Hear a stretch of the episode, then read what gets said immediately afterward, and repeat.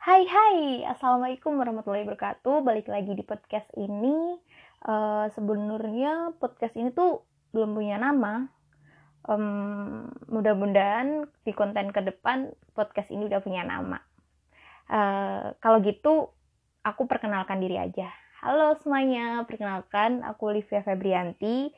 Aku mahasiswa ilmu komunikasi semester 3 Fakultas Komunikasi dan Informatika, biar lengkap, Universitas Muhammadiyah Surakarta. Nah, gak jauh beda dari podcastku yang sebelumnya. Podcastku sebelumnya itu membahas tentang manajemen televisi, eh, manajemen penyiaran.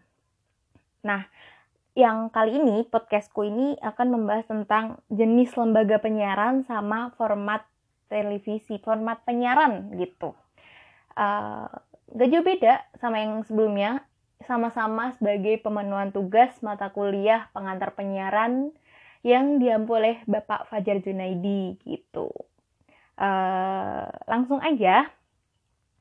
Yang pertama itu ada jenis lembaga penyiaran. Nah, di sini aku bakal nyebutin empat. Empat jenis lembaga penyiaran menurut Undang-Undang Nomor 32 Tahun 2002 gitu.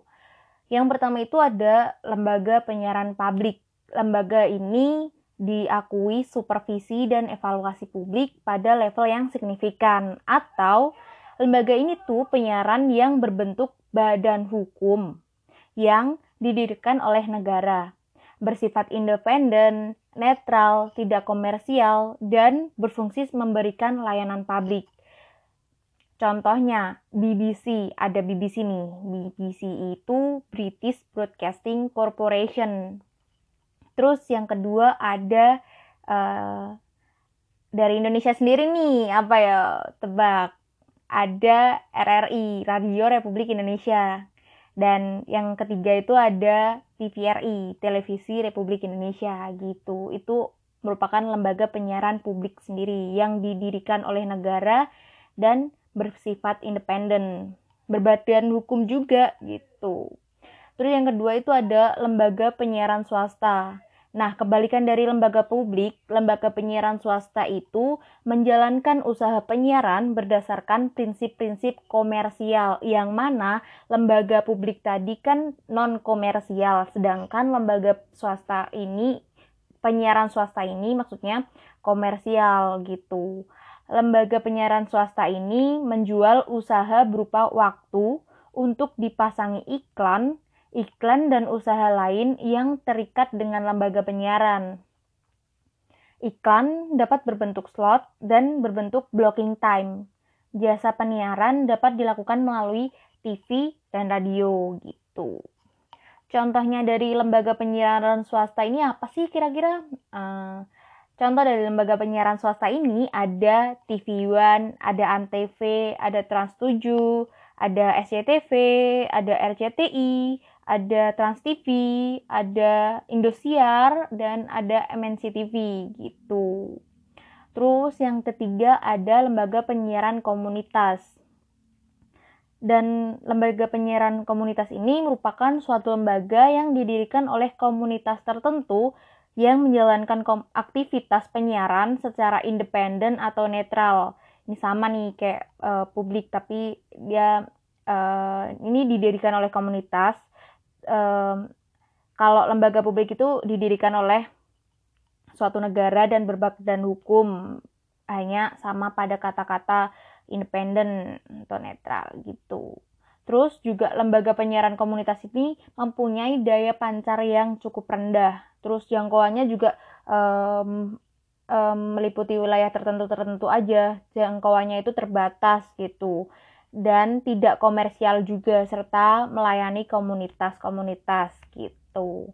Contoh dari lembaga penyiaran komunitas itu sendiri ada contohnya adalah Grebek TV di Magelang gitu. Ini kayak TV-TV sama radio lokal gitu ya. hmm.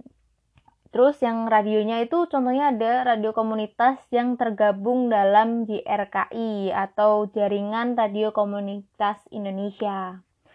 Terus yang keempat uh, lembaga penyiaran berlangganan, yang mana lembaga penyiaran ini memperluas atau menyalurkan materi siaran secara khusus kepada pelanggan melalui radio, televisi, multimedia, atau media informasi lainnya. Nah, biasanya menggunakan satelit kabel atau melalui terestrial. Contoh dari lembaga penyiaran berlangganan ini adalah MNC Sky Vision, MNC Sky Vision, Use TV, dan Mola TV gitu. Itu terkait uh, jenis lembaga penyiaran menurut Undang-Undang Nomor 32 Tahun 2002 gitu. Terus yang selanjutnya aku bakal bahas mengenai jenis format program televisi. Sebenarnya banyak format televisi for, format program televisi, tapi di sini aku mau uh, bahas empat aja.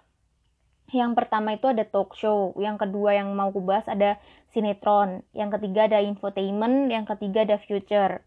Yang pertama itu ada talk show. Di sini aku ngambil talk show perbincangan. Yang mana program yang menampilkan satu atau beberapa orang untuk membahas suatu topik tertentu dipandu oleh seseorang pembawa acara atau host dan mereka yang diundang adalah mereka yang berpengalaman langsung dengan peristiwa atau topik yang dibahas gitu. Uh, contohnya aja nih, contoh yang eh, berita-berita yang kemarin sempat viral itu kan uh, sekarang kan yang sempat viral terus kan itu ada video di TikTok di aplikasi TikTok itu kan. Nah orang yang viral itu biasanya dipanggil di salah satu channel televisi gitu. Uh, kemarin ada nih uh, di Brownies gitu. Ada Fiance Boy gitu yang uh, dia uh, viral di TikTok. Terus akhirnya dipanggil di Brownies gitu. Terus juga ada uh, program acara TV Rumpi No Secret gitu. Contohnya juga uh, soal lagi yang lagi lagi viral lagi viral. Dan mereka yang berpengalaman nih tentang hal tersebut. Misalnya tentang hukum nih yang lagi viral. Nah itu bakal di bakal ada uh, program televisi yang ngangkat itu. Misalnya itu ada Indonesia Lawyers Club itu di TV One. Terus juga ada uh, punyanya Mata Najwa di Trans 7 gitu. Itu terkait talk show. Nah, kemudian ada sinetron.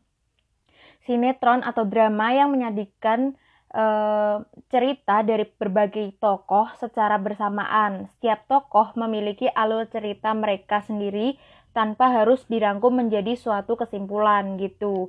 Contohnya aja nih sinetron waktu dulu aku tonton itu ada tukang bubur naik haji. Nah, itu mereka setiap tokoh itu mempunyai alur cerita-cerita yang beda-beda dan mempunyai sifat-sifat yang berbeda-beda dan latar belakang juga berbeda-beda. Makanya ceritanya tuh nggak bisa di satu satuin dalam satu kesimpulan gitu. Terus ada lagi ada sinetron uh, yang baru selesai kemarin anak band di SCTV terus juga uh, ikatan cinta yang lagi nge-hype banget tentang Mas Aldebaran gitu. Ada juga yang kemarin-kemarin sempat vir viral itu um, ada Samudra Cinta di SCTV gitu.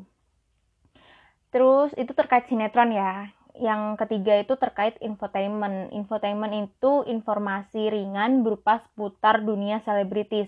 Uh, contohnya aja ada insert itu di Trans TV terus ada silat di RCTI, terus ada selebrita expose di Trans 7, serta ada hot issue di Indosiar. Nah, uh, infotainment ini uh, biasanya dia tuh membahas tentang kehidupan selebrita atau kehidupan uh, public figure gitu, menceritakan uh, biasanya contoh ini, ini contoh aja kayak keseharian uh, Mr. A atau keseharian Miss A gitu diceritakan dalam suatu uh, format tayangan televisi gitu.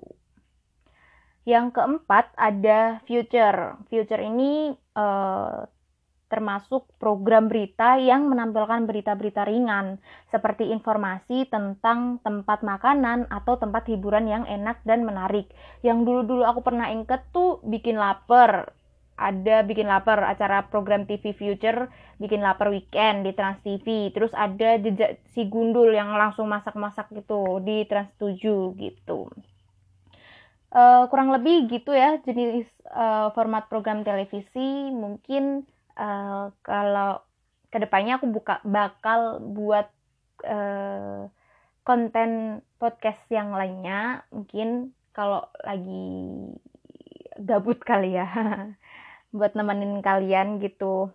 Uh, mungkin gitu aja. Kalau uh, mungkin ada nanti salah bisa dibenerin uh, direvisi gitu ya. Uh, sekian dari aku. Wassalamualaikum warahmatullahi wabarakatuh